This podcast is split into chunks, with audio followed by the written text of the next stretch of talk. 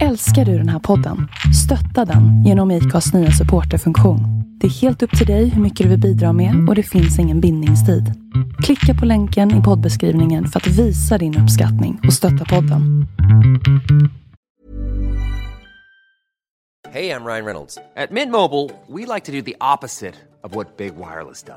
De laddar dig mycket we charge you a little. So naturally, when they announced they'd be raising their prices due to inflation, we decided to deflate our prices due to not hating you.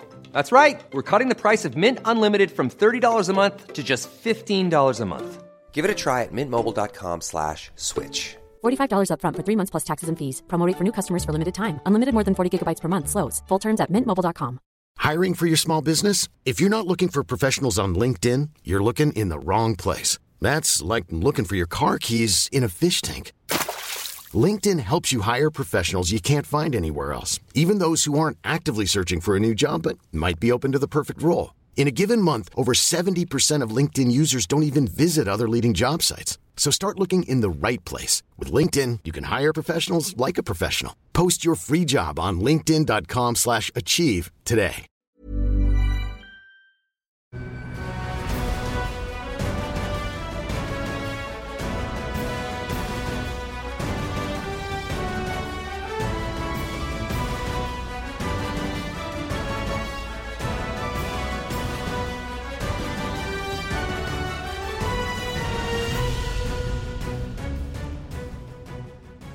Då är det dags för ännu en eh, MotoGP-podd med eh, Lion och Mårtensson. Varmt välkomna till eh, denna veckas samtal om det ena och det andra och det som inte blev av senast. Ja, jag trodde du skulle hälsa mig välkommen men du är det, välkommen hit. Ja, det är såklart så är det det. Jag ville bara inleda med lite snärt här och det blev istället inledning med, med, med snack. Är det bra med dig? Ja, det är jättebra. Absolut. Ehm varit lite jobb här i helgen och eh, men gå och vänta lite på, på att få åka till Italien. Mm, men visst var du på racehelg? Det var ju ledig racehelg för oss förra helgen och då hittade du på egna, egna utflykter. Ja, visst var det så. Jag lovade att jag skulle åka ner till Anderstorp och det gjorde jag också på lördagen. Jag var nere på SM-finalen där nere och, och tittade. Visst var det händelserikt? Det var det faktiskt. Jag är, det var faktiskt tre väldigt bra race. Jag tittade bara på på Moto 3 och eh, Superstock 600 och Superbike. Men alla de tre racen avgjordes på sista varvet. Så att det var nej, Det var faktiskt grymma race vill jag säga. Det, det är inte ofta man ser sådana bra race i Sverige. Vad roligt då. Ja. Och sen var det dramatik också med krascher och annat och SM som avgjordes där nere då i, i Superbike framförallt. Ja det märktes att det var final för att eh, förarna var mm, De var taggade. Och eh, ja det blev lite lite dålig stämning i Superbike där ett tag där men det blev en sammanstötning där sista varvet, sista svängen så att eh, ja, det var tråkigt. Men Pellief var det i alla fall som, eh, som vann SM till slut. Ja, så var det. Pellief, han kraschade faktiskt på lördagen där men eh, Det gjorde hans andra konkurrenter också, Alexander Lund bland annat och eh, Det blev inga poäng där så att han säkrade redan på lördagen. Och fort gick det också har du berättat för mig. Ja, det gick ganska bra av tiden Absolut, nej men det är kul. Det har ja. verkligen fått ett uppsving eh, SM, speciellt i Superbike som jag har följt mest då. Har faktiskt fått ett rejält uppsving. Eh, det har det faktiskt. Och sen även Wenderborn då, Lukas Wenderborn i, i Moto 3 som kör väldigt bra som fram till Anderstorp-helgen här nu hade vunnit alla race utom ett den här säsongen. Han vann även på lördagen, körde inte på söndagen. Så att uh, han har varit dominant. Var mm. kul. Ja, och sen hade de lite utav det väder som vi såg på Silverstone senast också. Det var kallt och blött inledningsvis där på, på lördagen. Ja det var blött hela fredagen och halva lördagen och sen så blev det torrt då till, eh, till lördag eftermiddag. De kör ju två race, ett på lördagen och ett på söndagen. Och, eh, nyasfalterad bana är det ju på Anderstorp, i alla fall eh, inledningen av varvet, flygrakan och in i, i, i svängen efter flygrakan. Fick du höra någonting från förarna där vad de tyckte om eh, greppet och underlaget? Nej, men det, var, det var bra grepp. Däremot så eh, tar det mycket längre tid för, för den asfalten att torka. Var den generella uppfattningen att hela varvet kan nästan vara torrt men inte på flygraken och inte på i första svängen. Så att lite lurigt. Det är lurigt med de här nya beläggningarna för det där har vi ju sett på um, Sepang till exempel. Det tog Absolut. ju extremt lång tid att torka. Ja. Eh, sen kan det ju hända saker med asfalten också. När det går ett år eller två så kan den ändra kan karaktär bli, också. Absolut, absolut. Anderstorp är ju i depån där är ju asfalten lite halvsliten sådär och där torkar det ju extremt fort. Eh, men sen även de här bankade svängarna som, som är på Anderstorp så torkar det också fort. Men just flygrakan nu då med ny asfalt så att så, så torkar det väldigt, väldigt långsamt. Så att det är, det är ytterligare en dimension i svårigheten. Mm. Och vi snackade om det där, om vi nu skiftar spår då från Anderstorp till, till Silverstone, så var det ju en, det var en intressant inledning på helgen och, och spännande med ny asfalt där och fortfarande ganska så gropigt underlag. Och sen blev det den här katastrofutvecklingen på helgen och till slut inställt race. Vad är nuläget där efter, eh, i efterspelet? Nej, efterspelet är väl att eh, publiken ska försöka få, få tillbaka sina pengar ifrån eh, biljettpriserna där som de, som de har, eller biljetterna de har köpt och det är väl förhandlingarna som pågår där och jag vet att de där aggregate industries, de är inte speciellt måna om att kompensera. Jag vet en journalistkollega till oss till exempel som har som har fått om, eh, ja han skrev helt enkelt om vad det var som hade hänt och eh, efter det så blev han kontaktad av advokater därifrån så att Ja. Tuffa bud, Hårda Ja det är tuffa bud men det, jag vet inte riktigt om det ger bra reklam för deras del. Nej det känns ju lite grann som eh, maffiafasoner nästan om man blir, om det nästan kommer hot åt andra hållet då istället ja, om det kommer hot på journalister som bara berättar vad som har hänt för att det kunde ju alla som har två ögon se vad som egentligen var problemet och till stor del vems fel det här är. Mm. Ja, det är väldigt dramatisk utveckling eh, på den helgen och, och ett race eh, som inte blev av helt enkelt. Och det här gäller ju eh, en racehelg i tre klasser som, som bara stryks. Så jag, jag kunde ju då under helgen inte dra mig till minnes när det här hade skett senast. Men det var ju tydligen ihop med något snöfall då i början på 80-talet i Österrike. Ja, 1980, du sa ju att du hade följt sedan 81 sa du väl, så att det stämmer väl då. Ja, nej men eh, jag fick ju min abstinens lite stillat här i Anderstorp faktiskt. Men annars är det ju faktiskt fyra veckor sedan nu vi hade race och, och eh, jag tycker det börjar bli dags nu. Det blir det verkligen. Och eh, om vi ska fylla på med ytterligare då i efterspelet från Silverstone innan vi går vidare till Misano-helgen.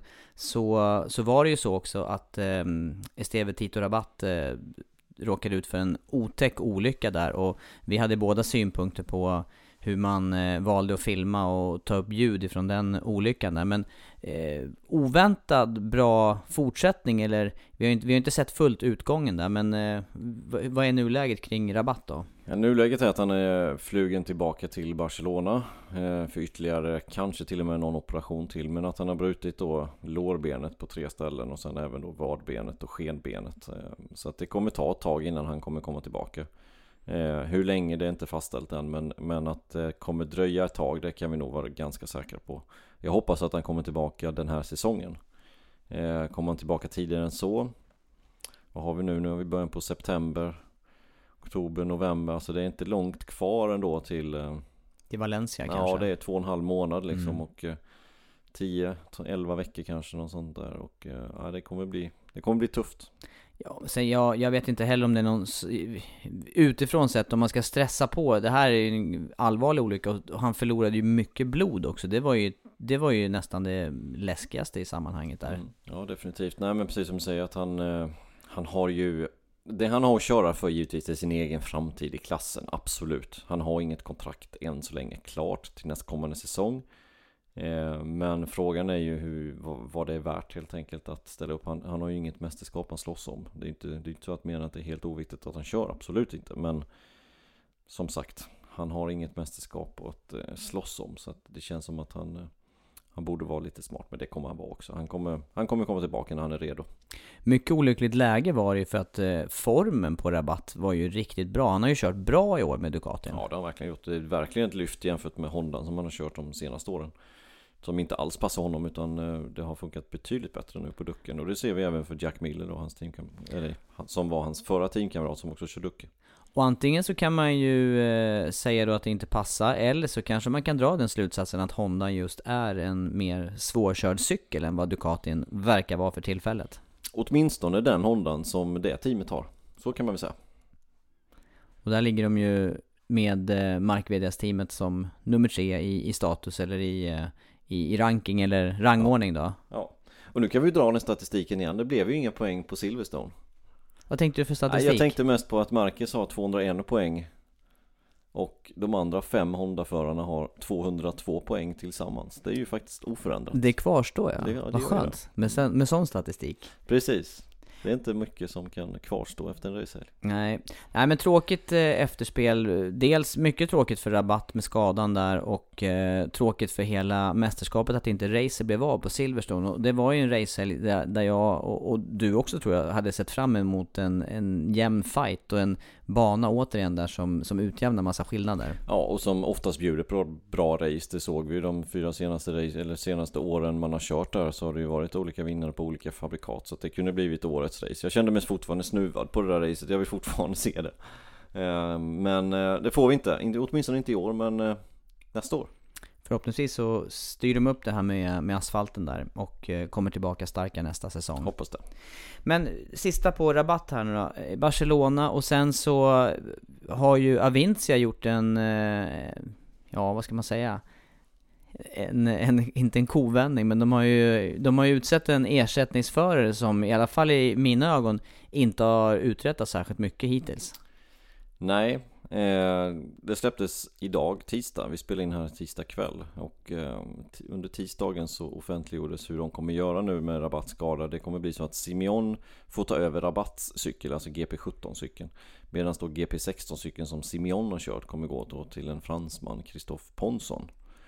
Eh, och eh, jag har hört namnet någon gång men jag behövde faktiskt googla och se vad var det jag hade hört av honom någonstans. Mm, och jag drog till med några Superstock-resultat och han har ju kört både Superstock 1000, han har kört lite Superbike-VM och eh, även då franska Superbike-mästerskapet. Ja, exakt. Både Superstock 600 och Superstock 1000. Sen körde han en, en säsong då, precis som du sa, 2015 i Superbike-VM. Eh, och sen i år kör han ju då i franska mästerskapet och jag tror inte han leder det mästerskapet ens en gång men han har några pallplatser därifrån. Eh, tittar vi på övriga resultat så är det ju rakt igenom här. Inga Inga podiumplaceringar överhuvudtaget och det är ju ja, Som bäst där från 2012 i Superstock 600 då Som går tillsammans med Superbike VM Som gick tillsammans med Superbike VM En 14 plats där totalt sett Ja Ja, kanske ja, mer utfyllnad än... Ja, äh, definitivt. Han kommer, få, han kommer få det jobbigt. Det är definitivt. Och... Eh, ja, inte riktigt. Jag vet inte riktigt vad jag tycker om detta faktiskt, om jag ska vara helt ärlig. Nej, jag tycker också att man ska hitta eh, förare av högre kaliber om man ska göra ersättare i, i den här klassen. Annars kan man ju nästan låta bli. Ja, nej men jag håller med om det. Han, eh, han är född 95. Så han är ju inte sådär pur ung heller utan han har ju erfarenhet absolut. Det är ju inte det. Eh, men eh, att köra MotoGP och dessutom köra på kanske då den sämsta cykeln i startfältet. Det, det, kommer bli, eh, det kommer bli så svårt för honom så jag tror inte han riktigt har förstått hur svårt det kommer bli faktiskt att, att hänga med. Desto mer intressant kan det ju faktiskt vara att följa Simeon här nu ja, under helgen. För om han nu får uppgradering med maskinmaterial, nu har ju han plötsligt en, en verklig chans att visa om han har den eh, kapaciteten som behövs i klassen. Ja, det har han. Eh, det ska bli extremt spännande att följa, följa Simeons framfart men ja, jag kan inte riktigt släppa det faktiskt med ersättaren där att, att det blev sådär och, och frågan är varför det blir så här. Eh, hade de bestämt det här på förhand helt enkelt att Simeon skulle ta den här GP17-cykeln då tror jag att det då måste det vara extremt svårt att få en annan förare som är mer etablerad att vilja sitta på den cykeln.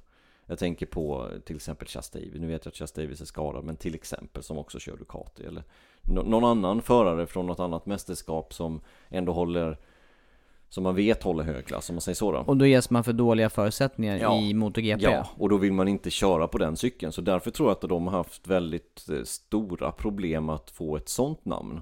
Däremot så finns det säkert många i, i i hans kaliber nu som ska köra här i, i den kalibern som har velat vilja få få erfarenheten men Ja, ja Nej, tiden får utvisa hur det kommer gå för honom i, i helgen här men jag är rädd för att det, det kommer vara många sekunder efter den som är näst sist. Mm.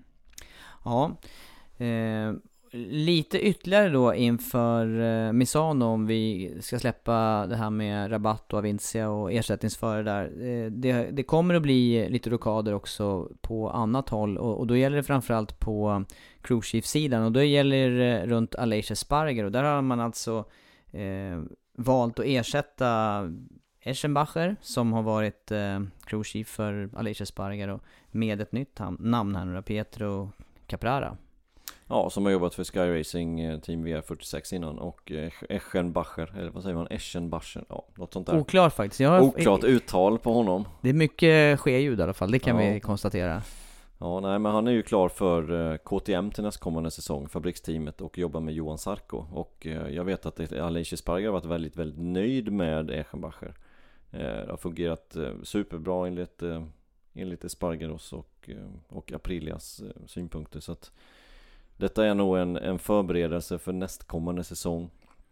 Köra in den här nya killen så att han är inne i gängerna till 2019 Men sen kanske även eh, att hålla Eschenbacher lite utanför vad som händer hos Aprilia Kan Mm. jag tänka mig.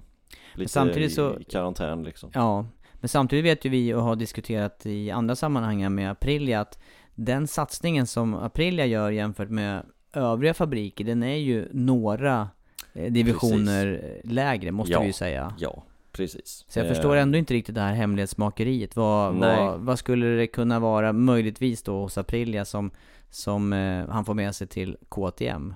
Som inte redan KTM kan ta reda på på annat sätt Ja, jag tänker så. Nej, jag, jag tänker precis likadant det, det är ju så när det sämsta teamet ska försöka dölja någonting så Kanske inte finns så mycket att dölja Nej, det, framtiden får väl utvisa det. Men eh, det kan ju mycket väl i alla fall eh, hänga ihop med att man då vill eh, också köra in en ny crew chief som har större chans och möjligheter att göra bra arbete nästa säsong. Ja, det, det är väl den eh, eh, mest rimliga förklaringen egentligen Kan jag tycka, Ja. absolut mm.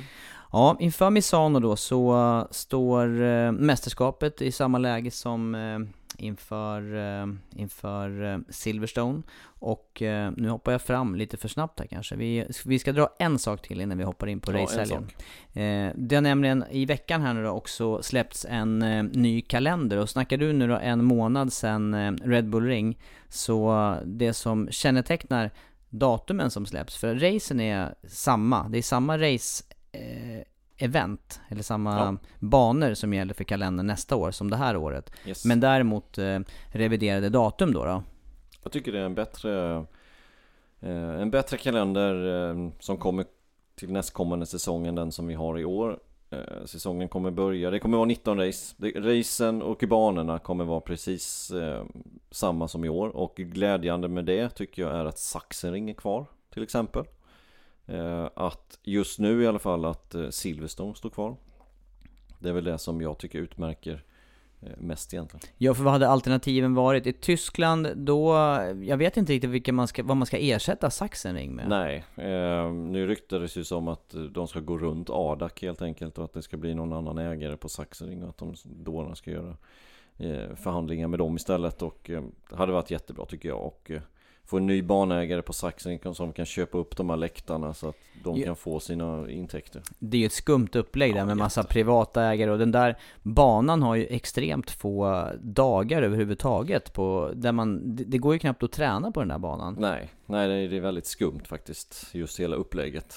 kring Saxering men det är ju kul att de har kommit överens i alla fall annars hade det ju nästan blivit som den gamla slingan på Saxering känns det som, alltså bortglömd Mm, på något sätt. ja. Nej, och alternativen i, i Tyskland för eh, hojracing, nej. Nej, det är Nürburgring, det är det är inget annat men ja, Hockenheim finns ju också givetvis men, men eh, Efter att ha tittat på F1, jag har aldrig varit på Hockenheim Men efter att ha tittat på F1 där tidigare i somras så Känns inte som en motorcykelbana direkt. Definitivt inte, väldigt väldigt smal Speciellt i, i slutet av varvet, jag vet inte riktigt Och Murarna är ganska nära och när Fettel han bromsade ju på sig där när, när det började stänka lite in i en sväng och han hamnade ju liksom rätt i, i muren där liksom så att det känns som att där hade de behövt göra lite säkerhetsarbete också om MotoGP skulle dit. Mm. Så att nej men jag är jätteglad att det blir, eh, att det blir Sachsenring, att det fortfarande är det. Så säsongen börjar 10 mars, det kommer vara en vecka tidigare än eh, den här säsongen. Eh, och sen kommer det vara lite fler veckor emellan några race, några fler back-to-back. Eh, till exempel då mellan, eh, mellan Holland och Tyskland Mm. i början på sommaren där.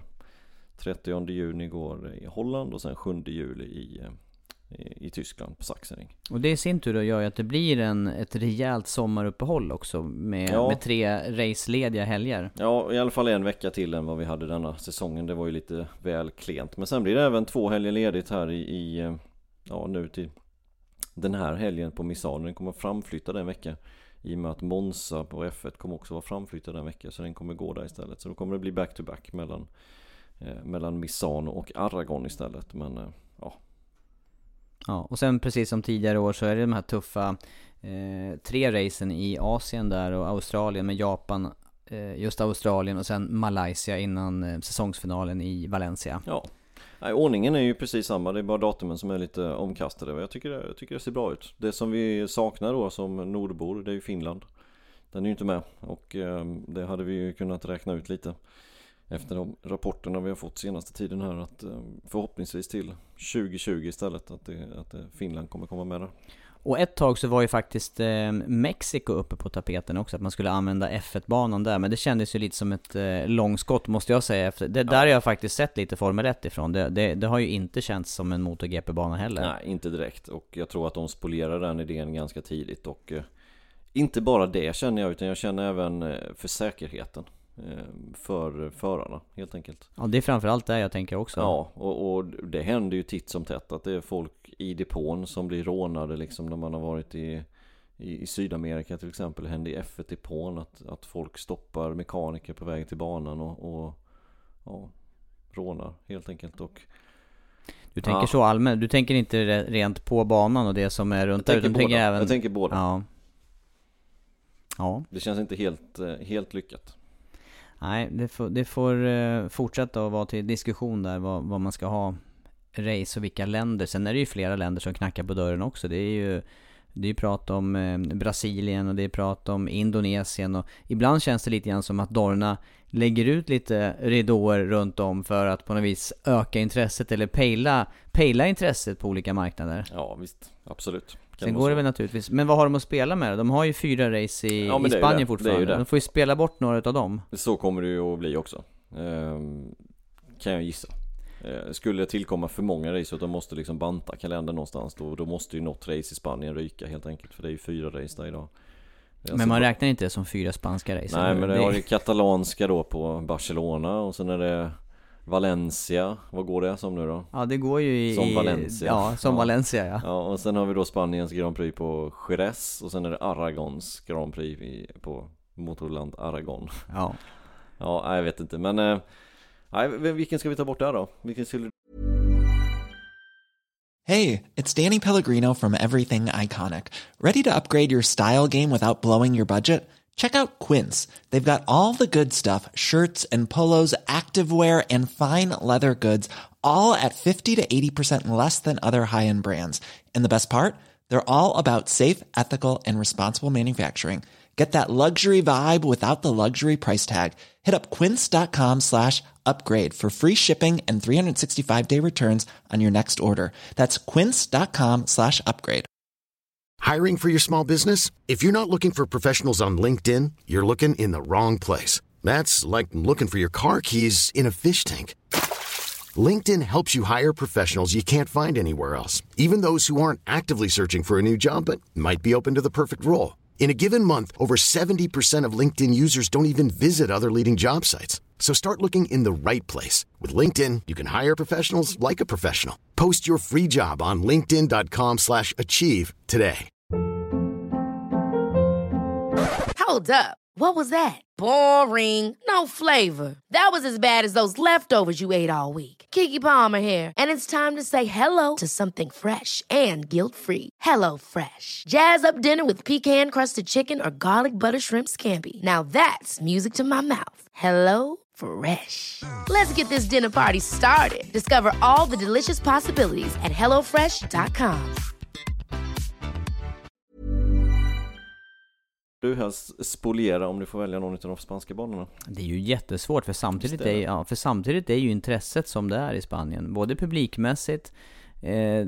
ja men banorna är ju bra också. Ja det är bra banor, mm. exakt. Det är jättesvårt att ersätta någon av de fyra faktiskt. Ja, just det.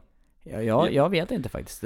Eh, den som känns med, mest offside där, det är ju samtidigt den kanske Finaste ballaste ban. bansträckningen, det är Aragon. Mm, jag håller med. Där är du med. kört.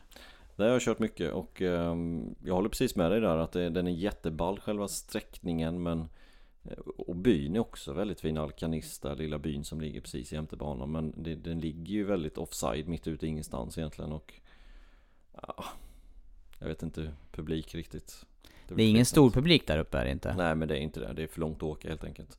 Men banan är så pass bra så att eh, Ja Den har inte varit med på kalendern heller speciellt länge. Nej. Sen 2000 Men den har också fått, och den har också fått eh, mycket beröm för arrangemanget där och, och bra Ja, Förarna var ju nöjda med, med själva Den är bra, men vilka ska vi då ta bort? Nej, jag, jag vill man inte ta bort nej, i början på säsongen. Man vill inte bort eh, Barcelona heller med den eh, staden och allting i den pulsen som finns där. Och sen så finalen på Valencia kan ju inte bli bättre med den stämningen som är där i den stadionbanan. Nej, det är ju nästan det bästa upplägget. Visst är det det och, så, och just finalen också där hela publiken kan följa Kan följa förarna runt hela varvet så att eh, nej det är där har de lite att bita i om de ska ta bort något, eh, något GP i Spanien. Å andra sidan så är det lite snett att ett eh, världsmästerskap går, går fyra gånger i Spanien. Mm. Och nu är det andra Italien-racet som väntar. Nu är det andra Italien. Men det speglar ju lite också de som deltar på något sätt. Jo, det gör det. Så att det kanske Pengamässigt så är det nog bra. Ska vi tippa över till Italien nu då i Misano? Vi gör det, mm. äntligen! Ja, äntligen! Fast det äntligen är, är det dags! San Marinos Grand Prix Ja, det är det faktiskt eh, Men den här har funnits, den här banan har funnits med ett tag på kalendern och eh, Backar man tillbaka eh, till 90-talet, då gick ju den här banan åt andra hållet och det är ju det är något extremt ovanligt att man har bytt riktning på en bana och, fått, ja. en, och fått en säkrare. Ja. Det, har, det, vet, det, vet, jag inte. Har du testat att åka baklänges på någon bana någon Nej, jag har inte gjort det. Eh, men jag kan tänka mig att eh, det blir problem. Eller baklänges, alltså och fel, fel riktning. Jaha, man ska åka baklänges med bakhjulet först. Nej, det behöver man inte göra. Men, Nej, men, jag men kan i fel tänka mig åka, till exempel, nu var jag på Anderstorp senast, men åka Anderstorp på fel håll. Det känns väldigt udda. Ja, jag har åkt eh, Svista åt fel håll har jag gjort. På någon sån här kursdag. Känns också lite lurigt. Ja, det förstår jag.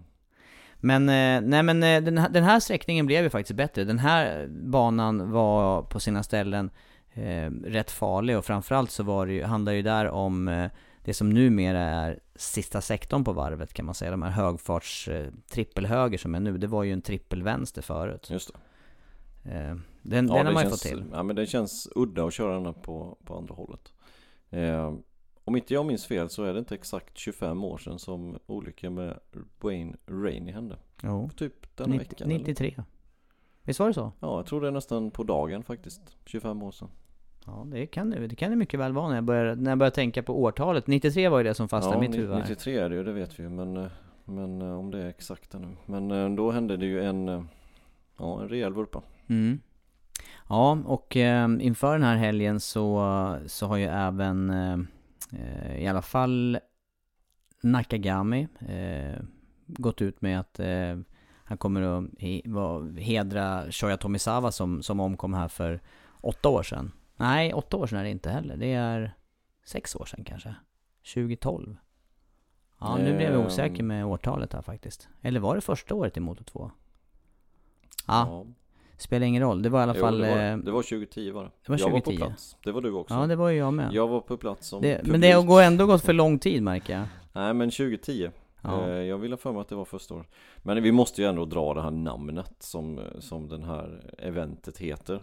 Det heter alltså Gran Premio Octo di San Marini de della Riviera Rimini Misano World Circuit Marco Simoncelli Årets längsta namn, ja, eller hur? Det här kommer vi inte dra i direktsändning. Det är tur att vi har lagt in det här nu bandat Nej, med dig Andreas. Ja det är ett långt. Ja det är ett långt, det är ett långt namn, namn ja. World Circuit Marco Simoncelli heter det i alla fall. Så heter ju banan. Mm. Mm. Misano World Circuit Marco Misano Simoncelli. World Circuit Ja, ja exakt. Misano World Circuit Marco Simoncelli. Vi brukar säga Misano helt enkelt. Ja, Misano är kortare och bättre. Nej men eh, i, vilket fall, det här eventet, eh, det är eh, en... jag ser fram emot det. Vi ska ju på plats och det kommer vara en... det kommer ju vara en helg som, som vanligt med stort publiktryck och det är ju stort i och med att så många av de italienska förarna kommer ifrån den här delen utav Italien.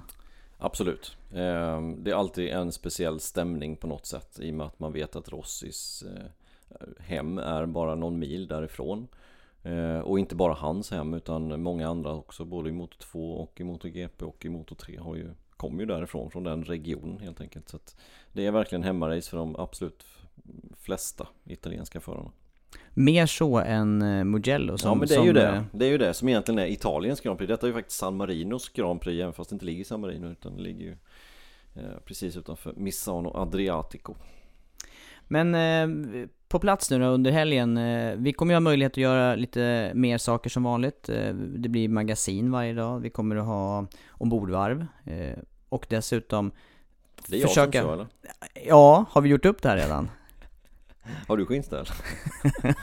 Jag har ju blivit av med mitt skinnställ, det är det som, det, jag kommer skylla på det här i all evighet Ja nu men det var ju självförvållat att du blev av med det Jag sled sönder det mot asfalten, Ja, eller hur var det? exakt. Ja, nej men eh, ett ombordvarv eh, ska jag köra tänkte jag, eller tre, eller vad det blir på fredag Mm. Det blir kul. spännande Magasin nämnde du, mm. vad ska vi ha mer? Vi ska, jag tycker vi ska ha tag på uh, Johan Stigefelt. Eh, det, det är ju högintressant med tanke på den satsningen kring nästa år i alla klasser. Mm, definitivt, det ska bli kul att se vad han har att säga om eh, om varför han valde de förarna som han valde och framförallt då kanske Cartara då. Det ska jag bli, det ska vi ställa den frågan och, och hur tankegångarna gick där helt enkelt och hur, vilket maskinmaterial. Eh, nu, A-spec, B-spec, ja okej. Vad är det? Mm. Det vill jag reda på. Ja. Och dessutom så ser jag ju fram mot ett, eh, mot ett race där förhoppningsvis eh, de här testerna som faktiskt har varit här eh, under slutet utav säsongen eh, kanske har gett möjlighet nu då för, för Yamaha också att vara med och fightas om, om toppplatser. Jag har lite svårt att uttala mig kring den här racehelgen faktiskt, vilka fabrikat och vilka förare som kommer kunna vara vassast. Ja, det, det känns som att det är väldigt öppet även på den här banan, tycker jag. Eh, vädret ser hyfsat stabilt ut men det finns faktiskt risk för lite skurar. Eh, och då kan ju allting ställas på andra, det vet vi ju när det, när det är flag to flag eller om det är blött på banan. Eh, och dessutom lite lägre temperaturer än vad man kan vara van vid faktiskt vid den här tiden i Italien. Eh, är det några som du tycker eh, eh, sticker ut eller som du tror eh, kommer ha större chans än sån här helg nu då? Nej men, men ska vi ta dem, eh, ska vi ta alla tre märken, stormärkena? Ska vi börja med dem? Ja men vi tar Ducke först, etta, tvåa senast i kvalet på Silverstone Etta, trea senast de kom i mål. Mm, Och innan ja. dess eh, Etta, tvåa. Ja, det. är, de är Renault. ja, jättestarka. Så att eh, Alltså Ducke är i form. De är riktigt i form. Och de, när de här testade då de, Var det fem team någonting sånt som var testade på Misano för ett par tre veckor sedan innan Silverstone vilket fall som helst. Då var ju Lorenzo snabbast eh, Av alla som var på plats. Så att eh, Man kan inte räkna bort Ducke i dessa dagar Faktiskt Och där finns det ju starka förare med i, eh, i regn ska man ju tillägga. Jag tänker Ja, ja. då, då blir det plötsligt fler Ducati, då blir det Miller, då blir det Petrucci Ja, ja. och... Men, men i regn också förra året, kommer du ihåg vem som ledde racet med typ fem sekunder eller något liknande innan var han kastade Lorenzo. sig? Mm. Det var ju det Mm. Ehm, Så att eh, varning för Ducke, absolut Eh, Går vi till Yamma så tycker jag det är varning för Yamma också De såg väldigt bra ut på Silverstone Nu har de testat på Aragon också Och givetvis då på Misano också då för tre veckor sedan ungefär. Eh, Så de kommer till en bana de har testat på De har testat en gång till eh, sen, sen Silverstone. Så att eh, Fått kanske ordning på lite bättre elektroniken.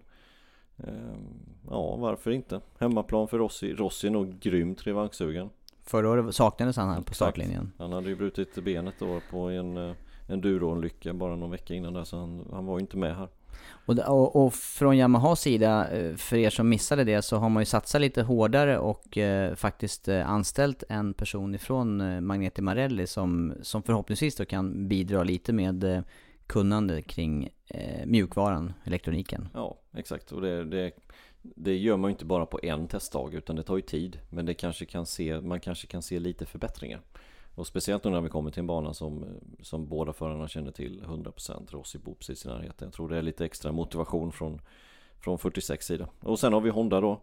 Eh, Pedrosa vann här för ett par säsonger sedan när, det, när han prickade däcksvalet helt perfekt och, och fick däcken hålla. Rossi blev tvåa det året om inte jag minns fel.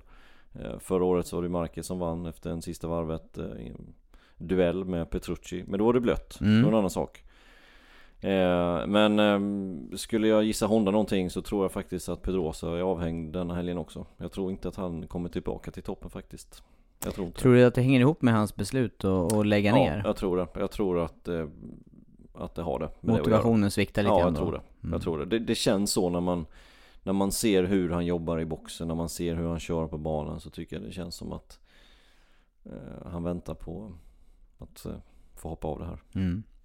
Ja. Det känns så, men Marcus vet vi ju vad han kan göra. Han är ju, han är ju alltid med i toppen. Så att, och då har vi ju åtminstone fem namn där. Ja, definitivt fem.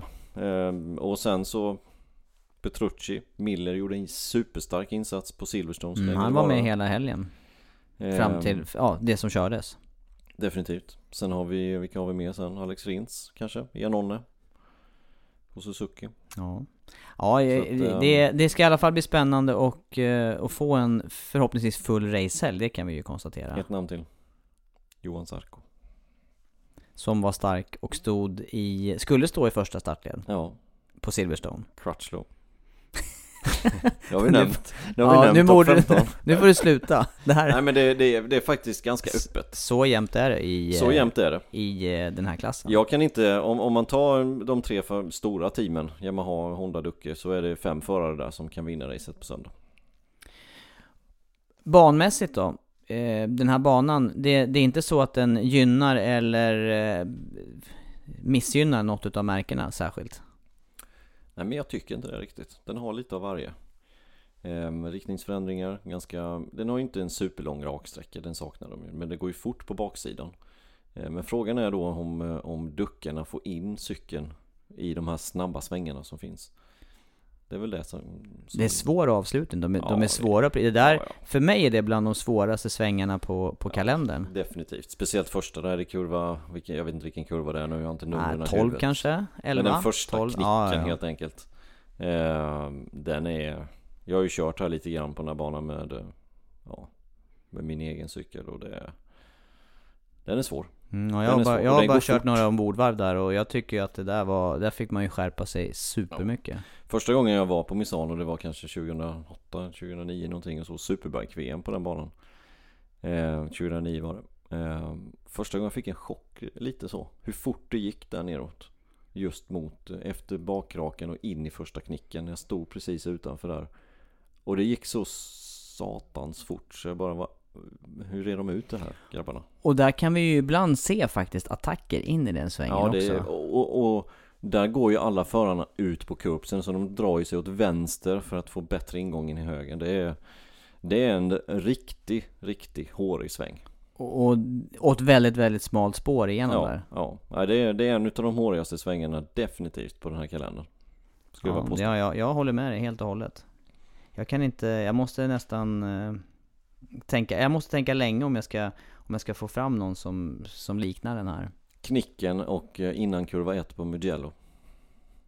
Ja. Fast det är ju ingen sväng riktigt, nej, det är det nej, som är problemet. Nej, den är inte död, även fast det borde vara egentligen Kurva 2 borde det vara vänstern där. Kanske någon av de här högfartspartierna på assen då möjligtvis som, som påminner. Men det är ändå, ändå inte. Här, är ja, här, här, här, här måste ju, man ju ta ner farten. Ja precis, här är ju rak acceleration helt enkelt. Rakt fram, upp mot, vad kan det gå där de går in i svängen? 320? 300, ja. Över 300 definitivt skulle jag gissa på. Ja, jag har inte sett något ombordvarv där senaste, sen förra året men Men jag gissar på upp mot 300 km timmen och sen så rätt ner i den Och sen så tar man ju ner farten successivt i de här fyra svängarna innan man kommer fram till hårnålen Ja, klart spännande dragning där och som du säger ja. också som publik väldigt nära. Jag hoppas att det är ja. några som, som lyssnar på den här podden som ska på plats. Då får ni Skriv i MotoGP-podden på. på Instagram till oss så kan vi styra upp ett möte. Absolut. Ja, eh, dags för tippning då Andreas. Ja. Tycker jag. Okej, okay. är jag först ut? Eh, ja, eftersom jag inte har tänkt klart som vanligt. Du har inte tänkt klart nu. Eh, Okej, okay. då tippar jag eh, Marquez, nej, Rossi, Marquez, Lorenzo. I den ordningen? Ja. Det är dags för Yamaha och Rossi att ta seger på hemmaplan inför alla gula fans. Ja, det är Rossi, Marquez, Lorenzo. Ja men det är en bra tippning. Jag brukar ju alltid slänga upp Rossi ganska högt här och jag du, hade, hade, faktiskt inte tänkt det den här gången så jag ska inte göra det nu ehm, heller. Vilken, um, vilken erfarenhet de har de tre förarna. Ja, visst är det så. Jag, jag, hade, jag hade faktiskt Lorenzo på Etta. första. Mm. Igen här nu då. Stark Två form. segrar i rad i så fall. Stark form och eh, stark, eh, ja, vilja liksom. Och han vill, han, jag tror att han, eh, han har stark motiv stor motivation att göra bra ifrån sig i slutet eh, med och, och Lorenzo trivs ju på Misano. Han har ju kört riktigt bra där historiskt sett, fast på Yamaha då.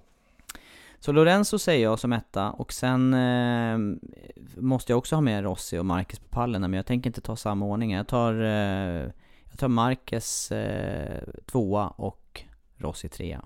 Men då, då har vi ju Marcus som tvåa båda två. Det är bara att du har bytt. Ja, jag bytte två. Rossi och Lorenzo då. Ja, ja. japp. Mm. Det blir min tippning. Ja. De tre har vi helt enkelt på pallen, båda två. Ja. Då tror vi på de tre. Japp. Då kommer vi säga så här att tippa inte på de tre för de kommer inte komma på pallen. Kanske inte. Nej men ni följer oss som vanligt här under helgen nu då. Eh, och eh, Viasat Motor och Viaplay. Och sen eh, kikar ni på det vi lägger ut på viasatsport.se och eh, Via Free tror jag de lägger ut det på nu för tiden. Kanske det till och med. Till och med det. Men mm. gå in eh, Facebook, Viasat Motor Facebook, där kommer allt komma ut. Bra. Och MotoGP-podden på Instagram. Det måste vi vara lite bättre på att uppdatera den här helgen när vi är on-site. Klart. Klart och betalt. Klart slut. Tack. Tack.